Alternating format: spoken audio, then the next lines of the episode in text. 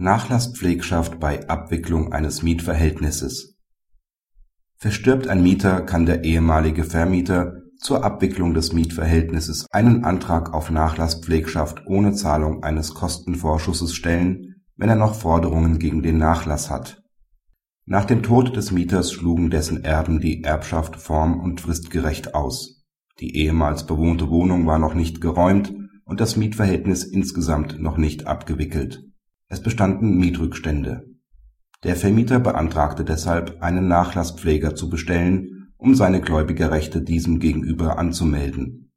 Das Nachlassgericht lehnte den Antrag ab, da nicht mit einer die Verfahrenskosten deckenden Masse zu rechnen sei und forderte den Vermieter auf, einen Kostenvorschuss zu leisten.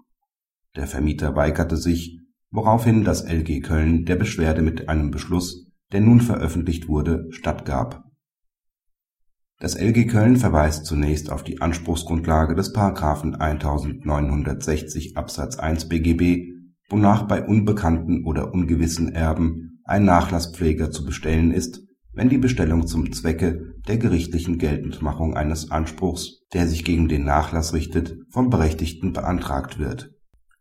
Aufgrund der Ausschlagung sind die Erben unbekannt im Sinne der Norm das Rechtsschutzbedürfnis für die Anordnung der Pflegschaft folgt aus dem Anspruch des Gläubigers gegen den Nachlass selbst.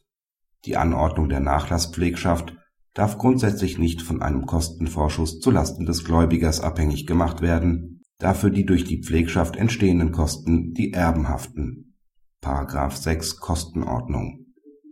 Es ist unzulässig, ohne weiteres davon auszugehen, dass kostendeckender Nachlass fehle, so dass sich die Frage nach weiteren Kostenschuldnern gemäß § 2 und 3 Kostenordnung nicht stellt.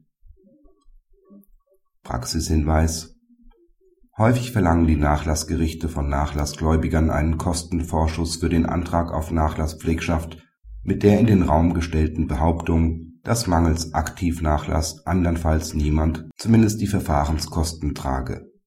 Regelmäßig nimmt der Gläubiger dann Abstand von der Nachlasspflegschaft, um nicht sein gutes Geld dem Schlechten hinterherzuwerfen hier stellt das LG Köln erfreulicherweise für die Gläubiger eine hohe Hürde zu Lasten des Nachlassgerichts auf, damit dieses überhaupt einen Kostenvorschuss anfordern kann.